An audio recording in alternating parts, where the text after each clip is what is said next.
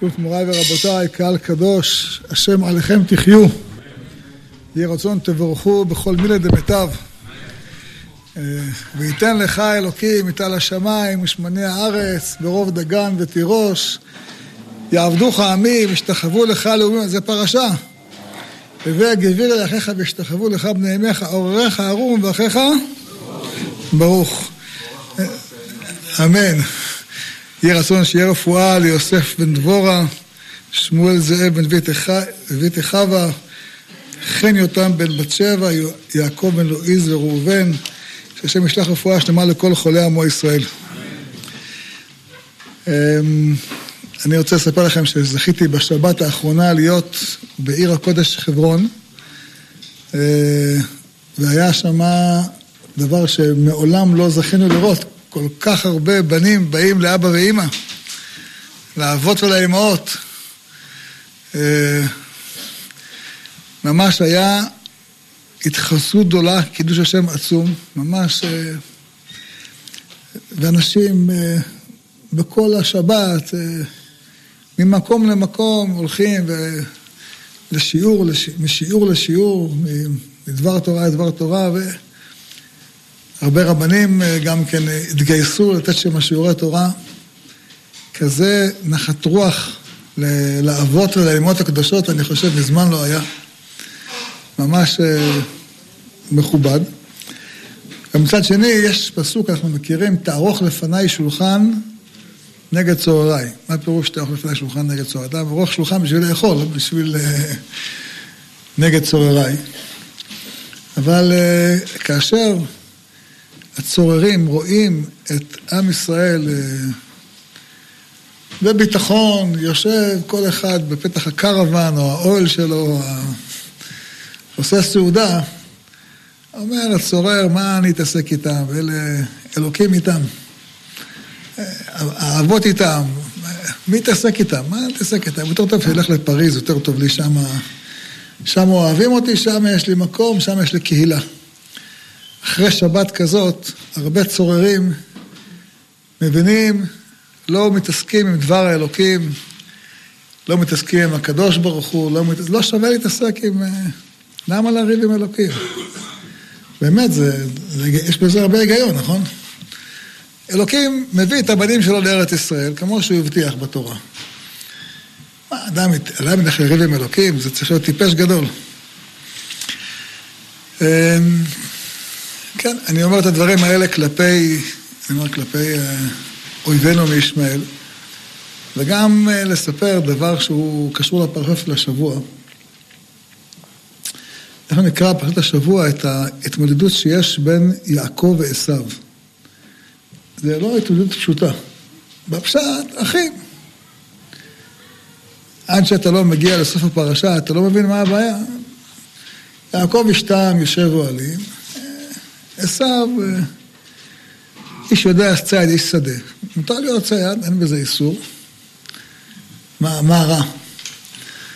הבעיה היא שאתה רואה שגם אימא שלו, של עשו, וגם אבא שלו, וגם יעקב מפחדים שהבן אדם הזה מסוגל להרוג. זה דבר פלא. למה שאח יהרוג את אחיו? אבל רבקה מפחדת שהוא יהרוג. ואימא מכירה את הילדים שלה. וגם אה, יצחק, כשהיא אומרת לו, אז הוא אומר, תשלחי אותו, את יעקב, שילך למקום הכי מוגן. איפה זה המקום הכי מוגן? איפה זה המקום הכי מוגן בעולם? הבית של לבן. לבן אומר, אני עכשיו אנצל אותו. אני עכשיו עושק אותו. אני עכשיו מרמה אותו. אל תגנוב לי את הפרה החולבת. ולבן חושב שהוא מנצל את יעקב. והוא מעביד אותו בפרך, ומרמה אותו, משקר אותו, וזה, וגונב לו את אשתו. הוא בטוח שהוא עשה עסק טוב. מי הפראייר הזה שעובד שבע שנים ועוד שבע שנים? את רבקה לקחו ביום אחד, נכון? יום אחד אליעזר מגיע, יוצא, כל הפרשה הזה, ותמהר, ותרץ, ותמהר, וירוץ לבן, ותרץ רבקה, הכל בריצה. קראנו בפרשה הקודמת, נכון? בבוקר הוא יוצא, למחרת הוא כבר יוצא עם רבקה. יום אחד, כל הסיפור. ומה הוא נתן לאחיה ולאמא? מגדלות. כי כל כלי הכסף והזהב שהוא נתן, נתן לרבקה.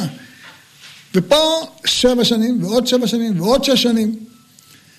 אבל באמת, עשו אומר, אני עם כולם מוכן להתעסק. אבל לריב עם לבן, אני לא הולך לריב.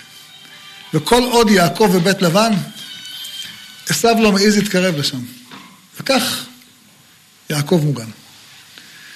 אז לבן חושב שהוא מנצל אותו, באמת זה היה הפוך.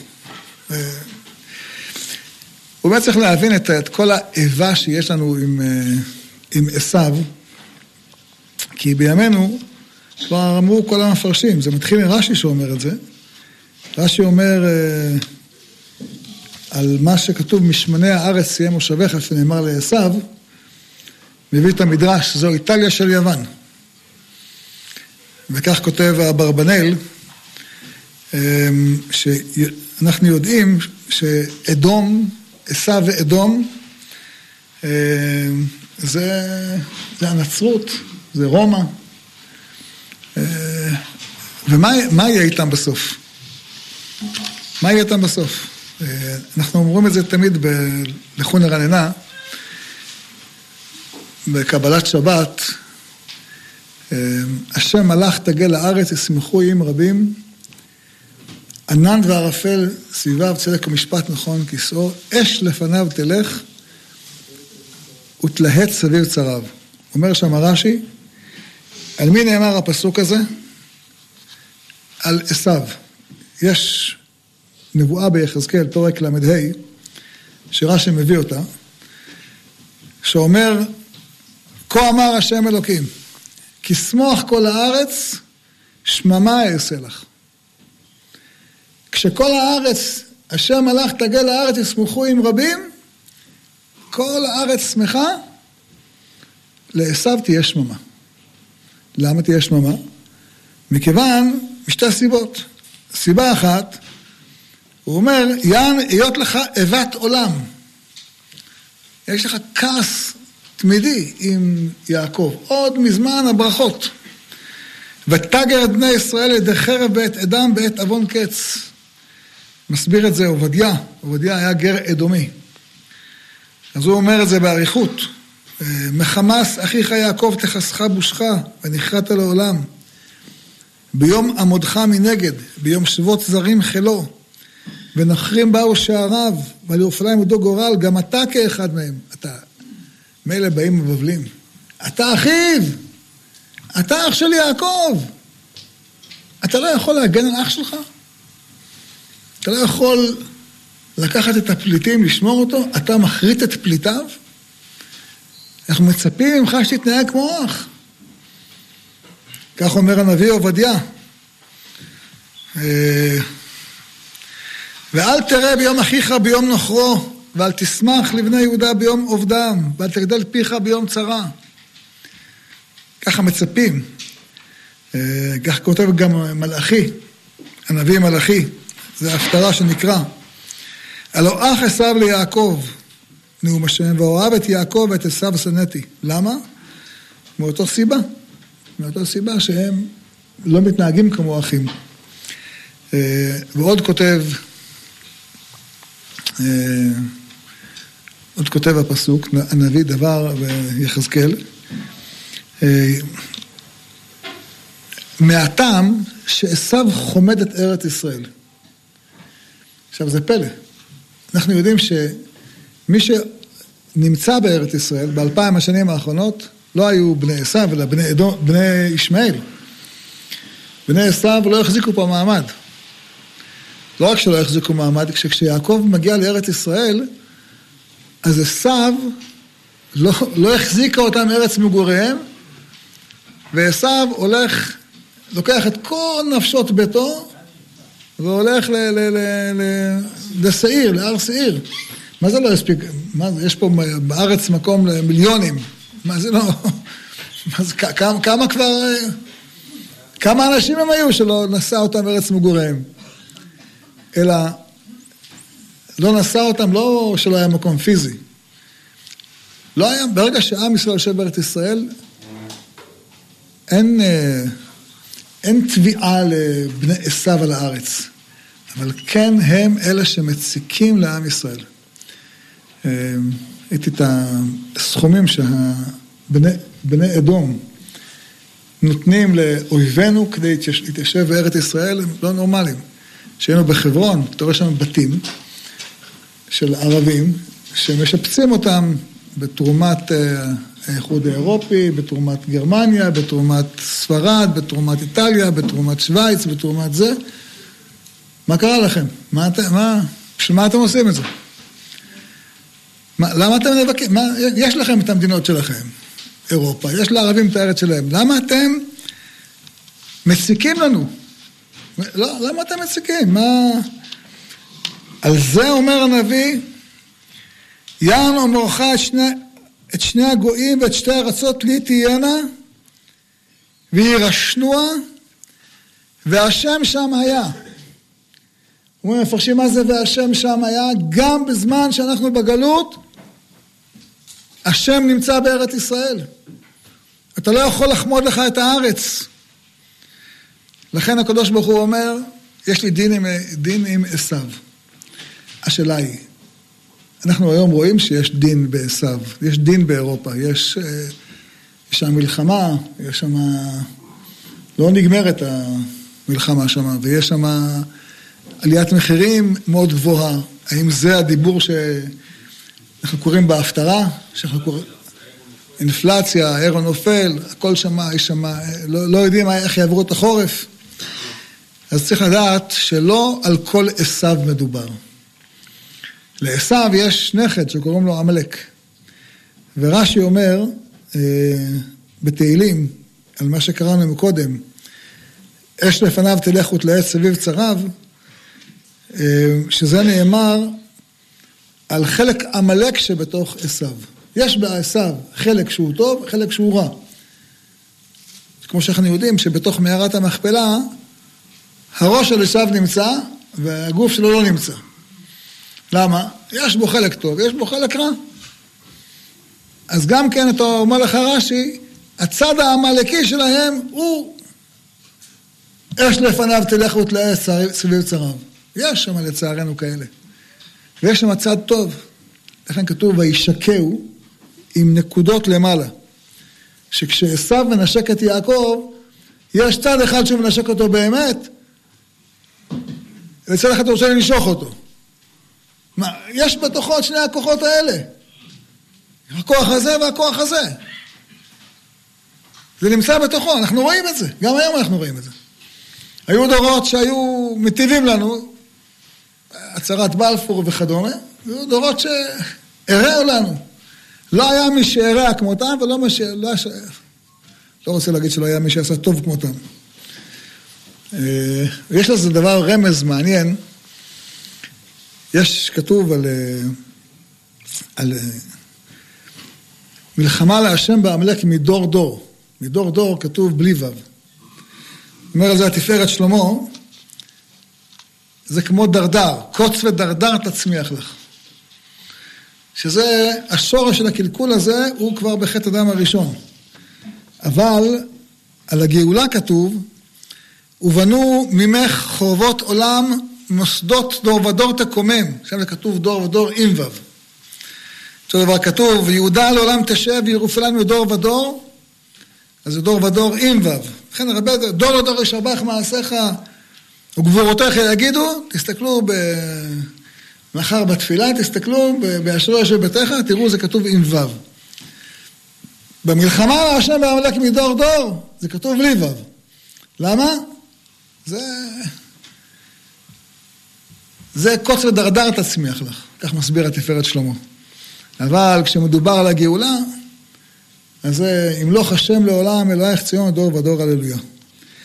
אני מספר את הדברים האלה כי אנחנו באמת נמצאים היום בתוך, בלב העניין. אנחנו נמצאים עכשיו בתוך המציאות הזאת שזה קורה, אה, וצריך לשים לב לדבר הזה.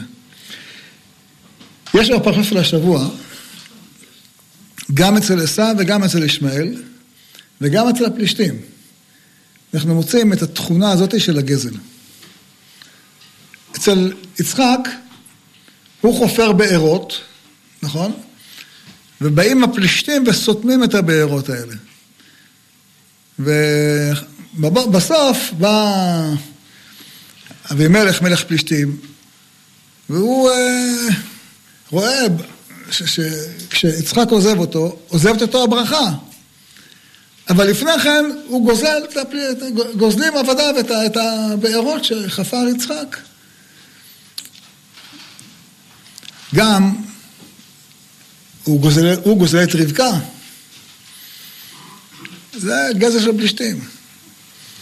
ישמעאל, ידו בכל, יד כל בו. עשיו, רש"י אומר, גוזל נשים מתחת בעליהם. זה היה העניין שלו. ומצד שני, כתוב כבר על אליעזר בפרשה הקודמת, ויפתח את הגמלים, מביא שם רש"י, מלמד שהם היו הולכים עם זמם, מסכה. כמו שהלכנו בקורונה עם מסכות, הלכו הגמלים של, אה, אה, של אברהם, של אליעזר, שלא יראו בשדות זרים, כל כך נזהרים, מה זה ייקח... אה, ייקח פרוטה. לא, כלום. הרי דור המבול, על מה נגזר דינם? שכל אחד היה לוקח פחות משווה פרוטה. כתוב על סדום, הגמרא אומרת, סדום, הם, לא, הם היו שומרי חוק. אדם היה בא עם אה, עגלה מלאה חציר, כל אחד לוקח פחות משווה פרוטה מהעגלה, הבן אדם טרח, יגע, קצר, זה, הולך ברחוב, מקצה הרחוב לקצה השני, הלכה לו העגלה, הלך לו כל, כל עמלו ירד לטמיון. בא לבית הדין, אמרו לו, מה אתה רוצה? לקחו לך פחות אישה פרוטה, אתה לא יכול לתבוע. על זה נגזר גזר דינם. מה, הקדוש ברוך הוא עושה דין בלי דין? לא, זה הדין. זה הדין. אה, אתה חושב שאתה משתמש בהלכה להיות נבל ברשות התורה? תגיד, אני לקחתי פחות משעה פרוטה, אז אני פטור.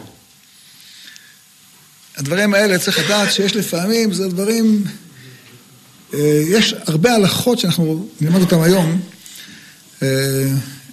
שהן מאוד חשובות. אני אספר לכם ההלכה שאני נשאל עליה הרבה פעמים. אה, אני לא יודע אם נפקא מינה לכולם, אבל שומעים אותנו אנשים אחרים, ודאי יהיו כאלה שזה נפקא מינה אליהם. יש אה, חוק שאומר שנהג חדש, הוא צריך צבירת ניסיון. מהי צבירת ניסיון? הוא צריך שחמישים שעות ינהג איתו מישהו אחר. כן? עשרים שעות בדרך עקרונית, לא, כתוב חוקים. כן? החוק אומר, כדי שהוא יקבל רישיון קבע, מאז שהוא עבר את הטסט הראשון שלו, הוא צריך להביא דוח שהוא נסע עם נהג מלווה, שראה שהוא נוסע כמו שצריך ובלי תאונות דרכים. אנשים לפעמים אין להם זמן. בתור... לכבוד הרב אני יכול לחתום סתם? מי בודק? אף אחד לא בודק. אדם צריך לענות הצהרה, אפילו לא בא לשם, רק עושה דרך האינטרנט, שולח הצהרה. מותר לי לרשום הצהרת שקר או אסור לי? מה, מה ההלכה? מותר או אסור? כן. זו השאלה, אז זה באמת, האנשים, למה עשו את החוק הזה? עשו את החוק הזה, מכיוון שגילו מחקרים בכל העולם המערבי, בדקו, שנהגים צעירים חדשים הם uh, מעורבים בתאונות באופן הרבה יותר גדול מאחרים. ואם uh, מלווה אותו מישהו ומדריך אותו ומראה לו, אז ככה זה, גור, זה מונע תאונות, כן? יבוא הנהג הצעיר, יגיד, אני גנבתי עם מישהו משהו? לא גנבתי כלום. לקחתי עם מישהו משהו? לא לקחתי כלום. אני אחתום, מה קרה? ממי לקחתי? לא גנבתי כלום. זה מותר לו או זה אסור לו? צריך לדעת, אה, דבר מאוד משמעותי. אנחנו משתמשים כולנו ברכוש ציבורי. למשל, בונים פה עכשיו, בנו עכשיו את כביש 16, כניסה לירושלים. אני לא יודע כמה זה עלה, אין ספק שזה עלה הון עתק, או מאות מיליונים או יותר. זה הרבה כסף. המדינה השקיעה מהמיסים שלה, כן? המיסים שלקחו מהציבור. אתה נוסע בכביש הזה, מי הרשה לך? מישהו בנה אותו, זה שלו. המדינה זה שלה. לא יהיה אלה שותפים. נניח שותפים, יש להם בניין. מותר לך לקחת חדר בגלל שהם שותפים? אז לא שניים שותפים, אלף שותפים. מאה אלף שותפים, מיליון שותפים. מותר לך לקחת? אנחנו ממונים פה על הסכום, על, על, על, על, על הכביש הזה. ואיך אתה נוסע? בנו פה גשר, בנו שם כביש, בנו שם... אתה לא יכול לצאת מירושלים בלי לנסוע בכבישים האלה, שמושקעים בהם מאות מיליונים. או מי שישקיע בהם אומר, אני אומר לך, אם עשית, אם נהגת 50 שעות עם מלווה, אני מרשה לך. לא נהגת, לא מרשה לך. אז זה גזל. אבל זה לא רק גזל, זה סכנת חיים. איך מותר לך לסכן חיים של מישהו אחר? מותר לאדם לעשות, אה, לראות, לראות ברובה מעל ראש של מישהו, הוא אומר, אני צלף, אני לא אפגע בו. מותר לך לסכן את החיים שלו? מי יש לך לסכן את החיים שלו? מי יש לך לסכן את החיים של מישהו אחר? אה, אז צריך לדעת שהדברים האלה הם דברים שאסורים. באמת, יש אה, תשובה של החתם סופר, שאלו אותו, יש הרי מחלוקת מפורסמת בין הראשונים, האם יש דינא דמלכותא בארץ ישראל או לא. יש שני ראשונים, הר"ן והרשב"א אומרים, שרק בחוץ לארץ. למה? כי בחוץ לארץ, איך נהייתה אה, צרפת שייכת לצרפתים? אז זו הייתה מדינת שממה, נכון? באו, כבשו אותה, יישבו אותה, אז הם, זה שייך להם, הם מינו את המלך, זה שייך לו. הוא אומר לך, תיכנס, לא תיכנס, יש שם דין די מלכותא. אבל בארץ ישראל, אומרים הר"ן והרשב"א, זה מתנה מאלוקים, לא בגלל שכבשנו אותה. אין בזה דין די מלכותא. אבל לעומת שני הראשונים האלה, הרמב"ם פוסק, לא, יש דין די מלכותא גם בארץ ישראל, וכך פוסק השולחן ערוך, חושן משפט. אה, לא, פוסק את ההלכה הזאת, שדין די מלכותא גם בארץ ישראל, יש לזה הרבה נפקא מינה. אה, איך מותר לך לנסוע בכביש שהמדינה הפקיעה? כביש 6 הוא כביש שבנוי על אדמות שהמדינה הפקיעה. יבוא מישהו ויגיד, אני לא מסכים שיפקיעו לי. זה נכון, אתה באמת לא מסכים, מכבדים אותך מאוד. קח אה, סכום כך, כזה וכזה, והוא אומר, אני לא מסכים. לא, אנחנו מפקיעים ממך עם רצונך ובלי רצונך. אדם פרטי לא יכול דבר כזה לעשות. אם, אתה, אם מישהו סובר שאין דין דה מלכותא בארץ ישראל, הוא לא יכול לנסוע בכבישים. לא יכול לנסוע. כי לפי שיטתו, זה גזל. איך אתה נוסע בגזל? אסור לך לנסוע. אבל אומר החתם סופר יותר מזה. גם לפי מי שפוסק שאין דין דמלכותא בארץ ישראל, אבל יש פה שותפים. איך מותר, איך מותר לך לגזול שותפים? הוא שואל את זה לגבי אנשים אה, מבריחים לפעמים מכס, או מעלימים מס הכנסה. אני זוכר שפעם אחת מישהו אמר לי, נסעתי איתו, לקחתי מישהו טרמפ. ותוך כדי נסיעה, אני זוכר, דרסתי איזה צינור איזה רכוש של העירייה, והתפוצץ הצינור. מיד התקשרתי לעירייה, אמרתי, תקשיבו, פשוט צינור, כך וכך, אה, תבואו, תשלחו לתקן אותו, ואני שילמתי, אני אשלם כמה שעלה הנזק. אמר לי הבן אדם, למה אתה אומר להם? אתה אומר, הזקתי את הציבור. אמר לי, לא, זה... לא הזקת אף אחד. אמרתי, מה זה לא הזקתי אף אחד? אם אני לא משלם, נזק ברכוש ציבורי, אז גזלתי את כל תושבי העיר. צריך להבין את זה. יש תשובה שכותב אותה רב שלמה זלמן נוירבך. הוא אומר, לפי מה קובעים מיסים? מיסים, אומרים, בשביל להחזיק את הצבא צריך כך וכך. להחזיק את משמר הגבול צריך כך וכך. בשביל להחזיק משטרה צריך להחזיק... רופאים צריך כך וכך. שולחן ערוך אומר שזה חובת הציבור. יש חובה לציבור שכופים בני העיר אלו את אלו שיהיה שמירה. כופים בני העיר אלו את אלו שיהיה מלמד של תלמוד תורה.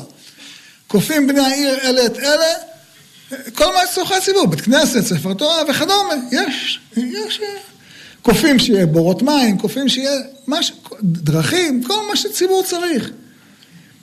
זאת אומרת, נניח המדינה אומרת, המיסים הם 20 אחוז מהמשכורת, או מה שזה דיפרנס, מדרגי, כל אחד לפי, ה, לפי הכמות שלו. אם אתה לא משלם, בסופו של דבר המדינה תצטרך להעלות את המס, במקום שיהיה 20 אחוז, 21 אחוז. אתה גונב את הציבור. תגידו, מה, מה, המכס שלי הוא זה שישנה אם יעלו עוד אחוז או פחות אחוז? כן? בסוף, כן. כמו בבחירות, כל קול משפיע. אז גם במדינה, כל שקל משפיע. נכון שאתה לא רואה איך הקול שלך משפיע על הבחירות, אבל בסוף זה משפיע על הבחירות. אותו דבר במיסים, השקל, אתה, לא רואה, אתה לא רואה איך השקל שלך משפיע, אבל השקל שלך משפיע בסוף לאחוז המיסים. נו, טוב, מה כבוד הרב? אבל ההוא גונב, ההוא גונב, נו, מה ההוא גונב וההוא גונב? אם ההוא גונב וההוא גונב, זה הופך את זה להיתר? איזה היתר? הרי שום מדינה לא יכולה להתנהל בלי מיסים. ודאי לא מדינת ישראל, שהיא מדינה מתוקנת ומשוכללת, וברוך השם. מי ישקיע במערכות החינוך? מי ישקיע בכל המערכות האחרות? בסופו של דבר המדינה מתנהלת באמצעות המיסים. אם אדם מעלים מס, אז המדינה לא יכולה להתנהל, אבל היא תתנהל. איך היא תתנהל? על חשבון אנשים אחרים, בגללך. מי הרשה לך? זה הלכות בשולחן ערוך. לא פחות חשובות מאשר הלכות שבת. לא פחות חשובות מהלכות תפילה, מהלכות תפילין. על זה נגזר גזר דינם של דור המבול, כי מלאה הארץ חמס מפניהם. על זה נבחר יצחק ולא ישמעאל, ידו בכל ויד כל בו. על זה נבחר יעקב ולא עשיו. שהוא, שהוא עושק אנשים אחרים. על הדברים האלה בדיוק. תשימו לב. כולנו מכירים את הסיפור של אברהם אבינו, שאברהם אבינו אה, שבר את הפסלים בבית תרח, אבא שלו. כולם מכירים, נכון? ונמרוד מתעצבן, כועס, זורק אותו לכבשן האש, ניצל. כמו שהסיפור מופיע אחר כך אצל דניאל, חניה מישל ועזריה. למה התורה לא מספר את הסיפור הזה?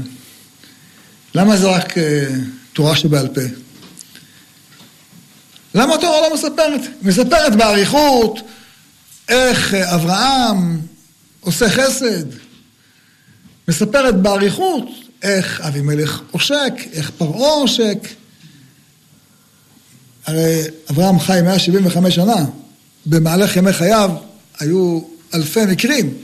התורה מדגישה את מעשה החסד של אברהם. את מעשה החסד, חסד, חסד של רבקה. שמהם נבנה עם ישראל. ומאידך את מעשה העושק של כנגדו. בספר בראשית כמעט לא תמצא הלכות, אבל תמצא אין ספור מעשה חסד או מעשה הפך החסד, רשע. כן? כמו שהפרשה של השבוע, איך שיצחק אה, חופר בארות. יש לך מים, תהנה. יש, יש, לא, אנחנו, אנחנו לא מכירים את ההלכות האלה. יש הלכות בארות, אתם יודעים את זה? יש הלכות שלמות. מי יכול לשתות מים מהבאר? מי קודם למי?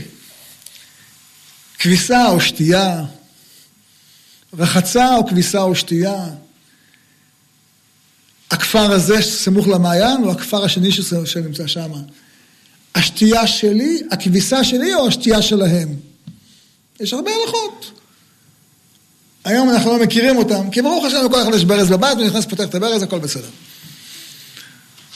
אבל יש הלכות שלמות, מי משתמש במים להשקיה? הקרוב ל, ל, ל, לנהר, רחוק מהנהר, קרוב לבאר, רחוק מהבאר. כמה אתה יכול לקבל, כמה הוא יכול לקבל. זה הלכות שלמות. שאותם קובעים האבות ומתנהלים על פיהם. נזהרים, ופחות תשווה פרוטה. ובדיוק על זה נחרט גזר דינם של אלה שמהפך. אני אומר את הדברים כי, למשל, יש, אני זוכר שפעם שמעתי מאבא עליו השלום, סיפור, מעשה שהיה. זוכר את זה כמו היום. אם אתם זוכרים, היו פעם שעונים דיגיטליים. גם היום יש. אבל אז זה היה הפתעה, לכולם היה שעון כזה עם קפיץ, עם חוגים, וזה פתאום, אה, המצאה חדשה, שעונים דיגיטליים. הרב עליו השלום תמיד בכל דבר שהיה מגיע, לא היה מסתכל, אוי, כל הכבוד להמצאה, איזה היבטים הלכתיים יש להמצאה הזאת של השעון הדיגיטלי. ואז הוא אמר, רגע, יש בזה בעיה. יש הכפתור שאתה לוחץ אותו, ואתה מדליק את המסך. אז זה היה נורת להט, היום זה נורת לד, לא משנה. אה, ואז הרב אמר, אם אדם רגיל להסתכל בשעון וללחוץ בלילה על הכפתור שמדליק, אתה בשבת לא יכול לבוש את השעון הזה, כי זה שם היתה, שם היתה, כולנו מכירים, משניות מסכת שבת. הרב אומר, יש לך פה שם היתה רציני, אם אתה, זה ההרגל שלך. אז יום אחד מגיע לרב, אה, מישהו אומר לו, הרב, יש לי פטנט. הוא אה, מביא לו בורג קטן, הוא עשה חריץ בלחצן של השעון, שם את הבורג הזה, חרט אותו ככה באומנות, בדיוק בגודל של הלחצן, הדריג אותו, את, ה, את הבורג על, על הלחצן, עכשיו הלחצן הזה כבר לא יכול להילחץ כשהבורג מוברג עליו. אומרת הרב, אתה רואה? הנה, יש את הפטנט הזה, עם זה כבר בשבת לא תהיה בעיה. הרב מסתכל ואומר, באמת, אה, רעיון גאוני, עם זה נפתרה הבעיה, אפשר ללכת עם השעון הזה בשבת, אין חשש שהאדם בשבת ילחץ. רק שואל תגיד לי, איפה עשית את זה? אומר לו, אצלי בעבודה. איפה בעבודה? אומר, אני עובד בדואר. מה בדואר? לא, יש שם מחרטות, אני זה, כמה זמן, כמה זמן לקח לך עבודה? מה, לקח לי איזה שעה, שעה וחצי עד ש... שעה וחצי על חשבון העבודה, מי יש לך? הוא לא, זה כדי למנוע חילול שבת. נו, בשביל למנוע חילול שבת, מותר לאדם לקחת שעה וחצי בעבודה? מי יש לך? מי יש לך להשתמש בכלים של העבודה? מי יש לך להשתמש בכלים של העבודה? מי שישתמש בזמן של העבודה? מה זה אומר לו, מה, אסור לאדם להשתמש בכלים של העבודה שהוא נמצא בה? התשובה היא, הכל כמנהג המדינה, וצריך מאוד זהירות עם המשפט הזה. מה זאת אומרת? מקובל שאדם מתקשר לאשתו מהעבודה, הוא אומר לה, אל תשכחי לקחת את הילד מהגן. או שאדם, אדם עושה כוס קפה, משתמש במים של הזה, ובתנור ובקפה, לא יודע, דברים שיש שם בעבודה. מקובל שאדם שותה קפה כשהוא עייף, וזה בסדר. זה מותר. אבל לנהל שיחות, מי הרשה לך? אדם יושב, יושב, יושב בעבודה ומנהל שיחות עם אה, בני הבית, זה אסור. זה גם שאתה משתמש בציוד שלו שלך. הוא נועד לשירות הציבור, הוא נקנה לשירות הציבור, הזמן שלך שמשלמים לך עליו לשירות הציבור. אז נכון שהכל כמנהג המדינה, אבל מנהג המדינה הוא דבר מאוד מאוד רגיש. צריכים מאוד להיזהר בו, ההגדרה של הכל כמנהג המדינה. כי מנהג המדינה בסדום היה שכל אחד לוקח אה, פחות משווה פרוטה. מה, אז יגידו, הכל כמנהג המדינה ומותר? דור המבול גם כן, היה להם מנהג המדינה, כל אחד לקח פחות משווה פרוטה, וכך הופכים אדם לעני. לא על זה נאמר הכל כמנהג המדינה. הכל כמנהג המדינה זה מה שבעל הבית מרשה. שבעל הבית אומר, אני מרשה לך את המרווח הזה, זה מותר לך. יותר מזה אסור לך. אדם לא יכול יותר מזה לעשות. וזה דבר שצריך לשים אליו לב. עוד דבר שאנשים שואלים, אמ, יש היום מפעלים, מפעלים או מקומות עבודה, או מקומות עבודה ציבוריים, שנותנים הטבות לאנשים שלהם. אתה חייל, יש לך כרטיס, פטור נסיעה באוטובוס. בת שירות לאומי, יש לך אה, נסיעה באוטובוס. אה, יש לך גם אפשרות לקנות בהנחה בכל מיני חנויות. אה, אתה עובד, זה מורה, אתה יכול לקבל... הסתדרות המורים מארגנת לך אפשרות לקנות בעשרה אחוז הנחה בחנות פולנית או בחנות אלמונית. מה קורה אם אדם היה מורה והפסיק באמצע השנה והכרטיס עדיין נמצא אצלו? מותר לקנות, מותר לו לקנות יש למישהו אחר. מותר לתת את הכרטיס שלו למישהו אחר שיקנה בו. מותר לאדם לקחת כרטיס נסיעה חופשי, לתת למישהו אחר שייסע בו כרטיס נסיעה חופשי. זה שאלות שהן יומיומיות, דבר שמצוי. מה הדין בכל הדברים האלה? אז באמת הדברים האלה צריכים מאוד דיוק. וכשיש לאדם ספק, הוא צריך לדעת, זה ספק גזל. למי תחזיר? אדם גנב מצה"ל, למי תחזיר? אדם נכנס, נסע באוטובוס, לא לשלם. למי ישלם? למי יחזיר? אז אם הוא נכנס לאוטובוס והמכשיר מקולקל, הוא אומר לו, נהג תעלה, מקולקל, אל תשלם. הנהג אמר, זה מותר לו, לא רק שהוא מותר לו, זה כנראה חובה על אה, חברת הרכבות או האוטובוסים, להפעיל את האוטובוסים, מכשיר מקולקל, זה חלק מההפסדים של החברה. אדם לא חייב לשלם אם החברה פטרה אותו. אבל אם אדם יש לו כרטיס נסיעה כחייל, אין לו שום רשות להעביר את זה למישהו אחר. המדינה משלמת לחברת הנסיעה על כל כרטיס כזה סכום מסוים, מתוך הנחה חייל נוסע כך וכך פעמים בשבוע. אבל אם הכרטיס יהיה גם לחייל וגם לאח שלו, זה יהיה כפול. מי הרשה לך? אתה גוזל את חברת האוטובוסים. אין לך רשות לקחת את זה, כי אתה גוזל אותם, אין לך שום רשות. זה לא דומה לזה שהמכשיר מקולקל והנהג אומר לך תעלה, זה מותר לו, אתה משתמש באוטו, באוטובוס או ברכבת ברשות. פה, זה אסור להעביר את הכרטיס מאחד לשני. אתה גונב את חברת הנסיעות, כן? מאידך, יש מקרים הפוכים. למשל, אדם היה אה, סטודנט, או בחור ישיבה, או בת שירות לאומי, וקיבלה כרטיס נסיעות למשך שנה. אמצע השנה הפסיקה. הכרטיס עדיין ביד שלה. אם היא נוסעת, את מי היא גוזלת? הרי הכרטיס הזה שיש לה ביד, כבר המדינה שילמה לחברת הנסיעות עבור הנסיעות האלה. זאת אומרת, את חברת הנסיעות לא גוזלים. גם, גם את המדינה לא גוזלים, כי היא כבר שילמה. לא גנבת פה אף אחד.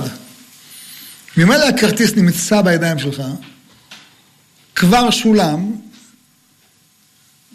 אתה לא גונב לא את חברת הנסיעות שקיבלה את הכסף, ולא את המדינה שכבר שילמה את הכסף, כי המדינה לא תיקח את זה חזרה, לא שווה לה לעשות עבודה מיוחדת חזרה. לכן צריך כל דבר כזה לשים לב מה אתה עושה, מה אתה לא עושה. למשל, יש... הסתדרות המורים באה ואומרת, יש לכם אפשרות לקנות ברשת אה, עושר עד בחצי מחיר, ברבע מחיר. צריך לבדוק, האם זה, האם העובדה שהם קיבלו בחצי מחיר כי ארגון המורים שילם ל, ל, ל, ל, לרשת עושר עד או לסופרסל, או זה עסק שבא ואומר, אני מעדיף שיבואו כל המורים לקנות אצלי. אם זה עסק שאותה חברת, אותה חברה שמוכרת, לא קיבלה שום הטבה, רק כדי לשאוב את הלקוחות אליה, ואתה יכול לקנות לעצמך, ולדוד שלך ולבן דוד שלך, אף אחד לא יפסיד מזה. לא רואים את אף אחד, רק הרוויחו כולם. אבל אם אתה קונה בזול כי הסתדרות המורים שילמה עליך, היא שילמה עליך, לא שילמה לבן דוד שלך. אם אתה לא יודע, ספק גזל. ספק גזל אדם לא יכול לעשות. זאת אומרת, אני רוצה לומר שהלכות, אנחנו נמצאים פה, עיקר הדיון פה זה בגזל ציבורי. שזה בדיוק העניין של הבארות. בארות, מה זה? זה, גזל ציבורי. באר הוא לא דבר פרטי. בארות המים שהפלישתים סותמים, הם גוזלים את הציבור. מי הם גוזלים? את הציבור. מי משתמש בבארות? הציבור. מה אתה סותם? לכן כתוב ש... שאבימלך, מלך פלישתים, בא אל יצחק מגרר, אומרים חכמינו מה זה מגרר? שהיה כולו מגורר. מה פירוש כולו מגורר? כולו מלא פצעים. אז שמעתי פעם מישהו שאומר, למה קיבל את העונש הזה? הוא פשוט, מידה כנגד מידה. אתה מעלים עין, לא ידעתי מי יעשה את הדבר הזה, אתה עסוק בהנאות שלך הפרטיות, במקום לנהל מדינה, אתה לחפש לך את התענוגות שלך, תחטוף אישה פה ואישה שם. התוצאה מההתנהלות שלך, שאנשים גוזלים בארות, סותמים בארות, מתוך קנאה, אין בארות, אנשים לא יכולים להתרחץ, לא יכולים להתרחץ, מתגררים כל היום. לכן זה עונש שמקבל אה, אבימלך, שהיה כולו מגורר מפצעים. מידה כנגד מידה. זה תפקידך, זה אחריותך. אני אביא דוגמאות, כמה שהדוגמאות בכל הדברים האלה הם גדולים מאוד, אה, וכתוב בהלכה, מאן דמאה, מי שרוצה להיות חסיד, יהדר, יהדר, יחפש הידורים לעשות בהלכות האלה. כי ההלכות האלה הן ההלכות שאנחנו קוראים עליהן שהן שהן ההלכות שהאבות הידרו בהן וכל הסביבה שלהם זלזלה בהן. אלה ההלכות, ההלכות האלה הן מאוד אה, משמעותיות, מאוד אה, חשובות, וצריך לשים אליהן לב. שוב, שאלה שנשאלתי גם, שאלה. יש מושג שנקרא עבודה מועדפת. מה זה עבודה מועדפת? אה, חייל שמשתחרר, אומרים לו, ביטוח לאומי ישלם 9,000 שקל למעביד, אם אתה תעבוד שם, כתור חייל משוחרר. זה הטבה שהמדינה משלמת, כי היא רוצה לקדם את העבודות האלה דווקא, כי חסרי בהם עובדים. היא רוצה מצד אחד לעזור לך, אתה החייל המשוחרר, שתיכנס הטבה, שירת את המדינה, מגיע לך.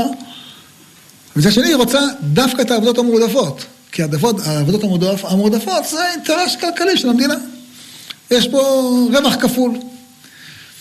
אה, נשאלה שאלה, האם מותר לאדם לבוא למקום שיש שם עבודה מועדפת ולרשום כאילו הוא עבד בעבודה המועדפת, אבל באמת לעבוד בעבודה אחרת.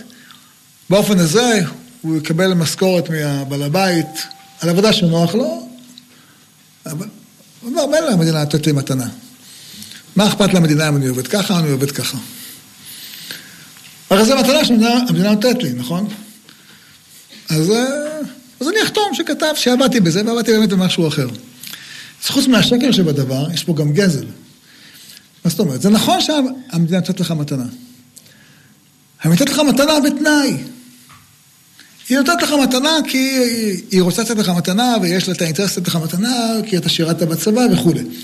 אבל המתנה היא על תנאי. על תנאי שאתה עובד בעבודה שחשובה לי. לא כשאתה עובד בעבודה אחרת. אתה יכול להגיד לי, נותן המתנה, באיזה תנאים הוא נותן את המתנה? אני נותן את המתנה, ברור, בתנאי הזה, לא בתנאי האחר. עכשיו אני אספר לכם, היה לי פעם מעשה, שמישהו שאל אותי, וממש ככה, היה לי כאב לב גדול. הוא סיפר לי, סיפור, אה, הוא מספר לי שהוא עבד באיזה מקום עבודה, והנוהל שם היה שבניגוד למה ש... לחוק, אה, אנשים היו מחתימים כרטיסים אחד לשני. על פי חוק, מותר לאדם להחתים כרטיס לעצמו. נכנסתי בשעה מסוימת, העברתי כרטיס, אה, יצאתי, העברתי כרטיס. אז הוא אומר, הייתי לפעמים, במקום לגמור את העבודה בארבע, הייתי יוצא הביתה בשלוש, לוקח את הילדים מהגן, וחבר שלי בארבע היה מחתים את הכרטיס. אומר, שנים ככה עשיתי. שנים. הייתי מגיע שעה מאוחר, בא מישהו, מחתים את הכרטיס שלי, כאילו הגעתי בשמונה. משכורת קיבלתי, כאילו עבדתי משמונה עד ארבע. כן? אומר לי, שנים ככה עבדתי. אה, הרגשתי עם זה בסדר. עברו שנים, יצאתי לפנסיה, אומר, אני לומד עכשיו את ההלכה, לומד לשולחן ערוך, שומע שיעור תורה, מבין שזה גזל. מה אני עושה? אומרת לו, כמה כסף מדובר? תעשה חשבון. הוא אומר איך אני יכול לחשב? זה היה כל החיים שלי ככה. מה זה, אתה נורמלי? כל החיים שלך, אתה יודע כמה כסף לקחת? תעשה חשבון. ישב, עשה חשבון. הגיע לסכום של עשרות אלפי שקלים. מגנבות קטנות כאלה. אתה צריך להחזיר אותם. ולמי אני אחזיר אותם? למי למדינה? איזה מדינה? מי זה אדון מדינה? מי זה אדון מדינה שאתה יכול להחזיר לו? למי אתה יכול להחזיר? אדם שרימה בעבודה מועדפת, גנב את הביטוח הלאומי, הוא גנב את המדינה, למי תחזיר? יש פתרון שנקרא צורכי ציבור, שהוא פתרון דחק, הוא לא פתרון לכתחילה. הוא פתרון דחק. אתה אומר, אני למעשה, כשגנבתי את ביטוח לאומי, לא גנבתי את מלכת ביטוח לאומי. הוא משכורת שלא יקבל כמו שצריך. כן? את הציבור גנבתי. דרך ביטוח לאומי. את הציבור גנבתי דרך העירייה. את הציבור גנבתי דרך צה"ל. את הציבור גנבתי דרך כל מה שלקחתי. תעשה תרומה לציבור בערך מה שגנבת. אותו אחד שגנב את מקום העבודה, אם זה מקום עבודה ציבורי, הוא צריך לשלם לציבור. אם זה מקום עבודה פרטי, צריך לשלם לבעלים. לאותם בעלים של אותו חברה. אבל החברה כבר נמכרה. אתה באמת בעיה גדולה. כי חברות נמכרות מאחד לשני. פעם זה שהפעם אה, סופר חייב שייך לפלוני, אחר כך שייך לאלמוני, למי תשלם? באמת לשלם למי שהיה בעלים באותה שעה. כי אותו אדם, הרווחים של, של, של, של אותה חברה ירדו בגללך. אולי ירדו באלף שקל או בחמישים אלף שקל, זה לא משנה, זה בגללך. לא מדבר על מי שלמד ממך וגם כן עשה כמוך, שזה בכלל מצטבר הנזק הזה, שזה כבר נזק, נזק שאתה לא יכול להעריך אותו בשיעור. אבל באמת הוא צריך להחזיר. הוא להחזיר, והדבר הזה לא פשוט. להחזיר לציבור זה דבר מאוד מורכב ומאוד מסובך. ואנשים לפעמים חושבים שזה מותר, זה לא מותר, זה אסור. את הדבר הזה צריך אה, אה, לשים לב. אה,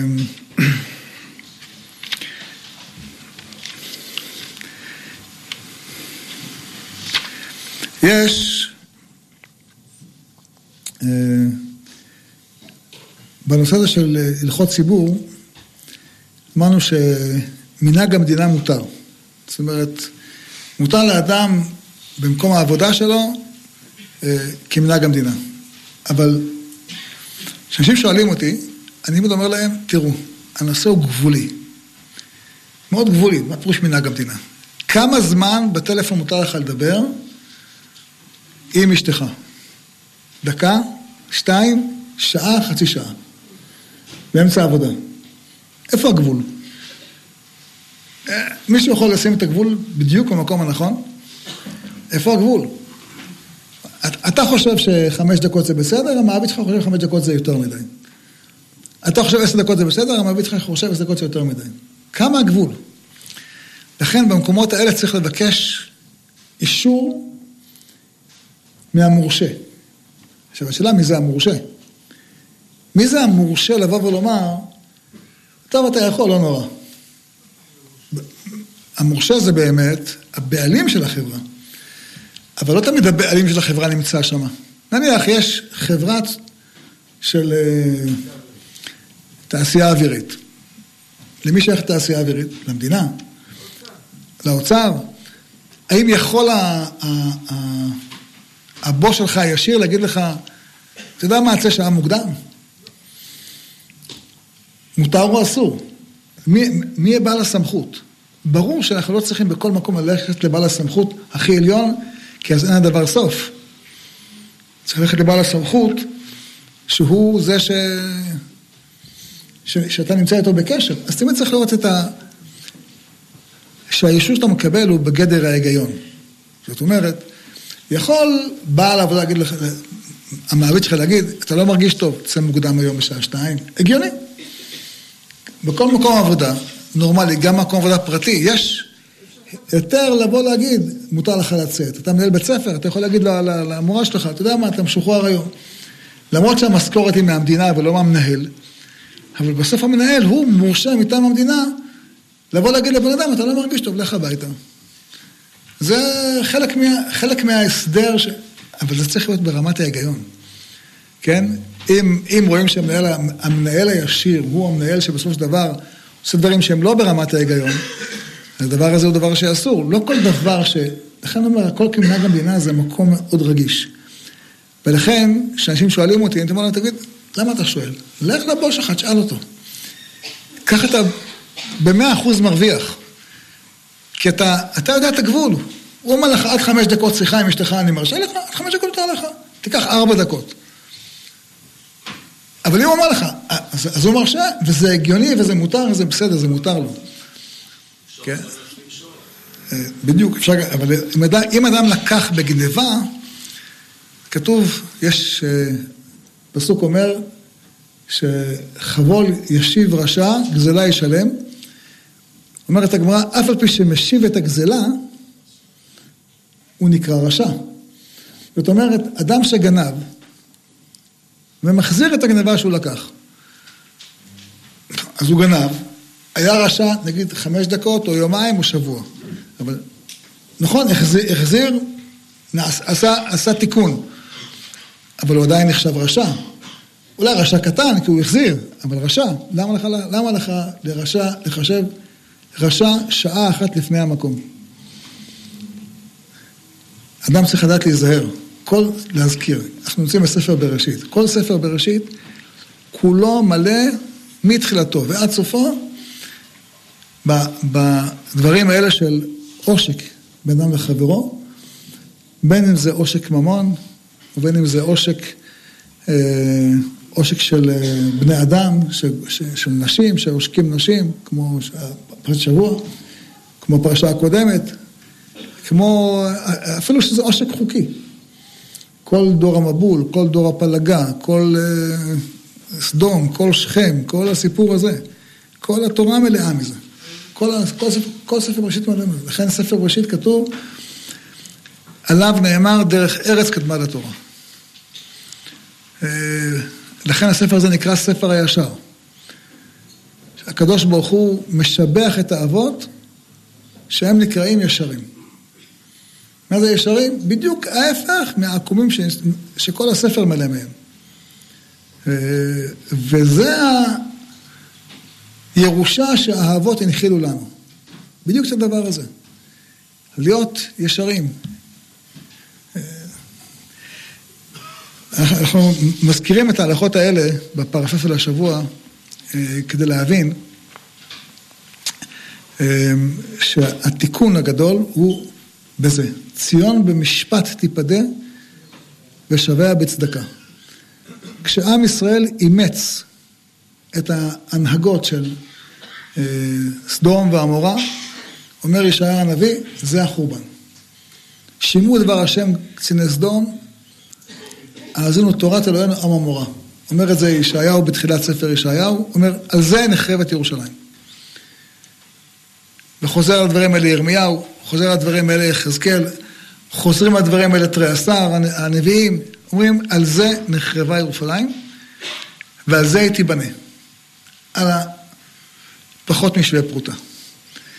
יהי רצון שהקדוש ברוך הוא יקיים בנו, ציון במשפט יפדה, ושווה בצדקה.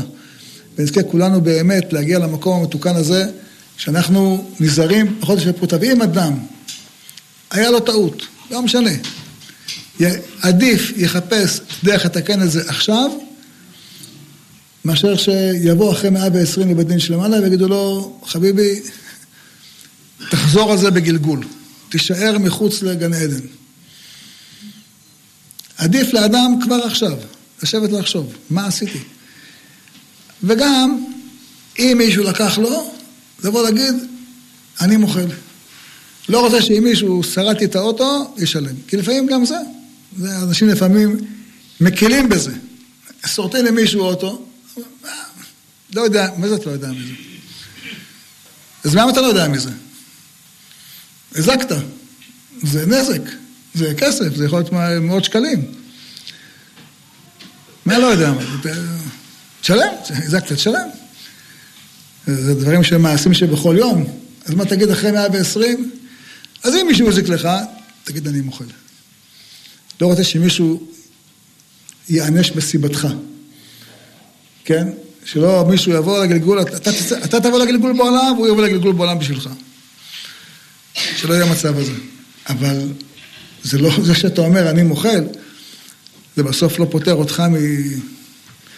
מלדאוג שדבר כזה לא יקרה פעם נוספת. היה פעם מעשה עם הרב, נסיים במעשה הזה, זה סיפור, אה, מעשה שהיה, הוא סיפר אותו עם, היה רבי יעקב בעל האוהלים. היה אחד חכם בירושלים, שיש ספר, שהוא היה חיבר פירוש ל, אה, למחזור ראש השנה, למחזור יום כיפור. בהקדמה שלו כותב שגם עשה לסוכות, לפסח, לשבועות, אבל אף אחד לא מצא את זה. אה, והוא אה, חי בתקופת מלחמת העולם הראשונה, היה עני מרוד, והיה לו שכן עשיר, שהוא, החכם הזה, לווה מהשכן העשיר אה, מטבע כדי להתפרנס. ולא היה לו אפשרות להחזיר. ולא לא, לא היה נעים לו לבקש פעם נוספת, והיה אז רעב, והחזיר את נשמתו לבורו. והרב סיפר, הרב, הרב עצמו סיפר, שפעם אחת הוא נתן שיעור בבית כנסת וסיפר את ההלכות שלמדנו עכשיו, אה, ואחרי השיעור אומר לו השיר הזה, זה שלווה לחכם רבי יעקב, אומר לו, הרב, רוצה לספר לך משהו. טוב, יוצא מחוצה, אמרו לו, מה? הוא אומר, אני הלוויתי כסף לרבי יעקב, אה, וכתבתי על זה שטר, ונמצא אצלי בבית, מה אני עושה עם זה? אמרו לו, הרב, מה? לך לבית, תגיד, ת, תקרא את השטר, תגיד עכשיו מחול מחול, תכתוב על השטר מחול. שלא חלילה הבן אדם הזה אה, יהיה עליו דין בדין שלמעלה. ואז הוא אומר לו, הרב, אני אגיד לאשתי? אמר לו, לא, אני לא צריך להגיד לה, למה לצייר אותה? מספר הרב, אה, שמעתי את זה מאבא, הוא סיפר את זה בעצמו. הוא סיפר, הוא אומר, אה, למחרת אני הייתי בבית כנסת, ואשתו של העשיר הזה באה אליי, אומרת לי, הרב, אני רוצה לשאול אותך שאלה. אומר לה, מה? היא אומרת לו, חלמתי בחלום שרבי יעקב היה שכן שלנו, בעל האוהלים, והוא אומר לי, תגידי לחכם, אה, לרב אליהו, תודה רבה, עד עכשיו הייתי מחוץ לגן עדן, בזכותו נכנסתי עכשיו לגן עדן. היא אומרת לו, הרב, זה היה חלום, זה חלום אמת, זה חלום שקר, לא יודעת מה. אז הוא אומר לה, תגידי, בעלך סיפר לך משהו? היא אמרה, לא סיפרה לי כלום. אז הוא אומר, חכי, קרא לבעלה. אז בעלה בא, אמרת, סיפרת לאשתך? אמר, לא, תספר לה.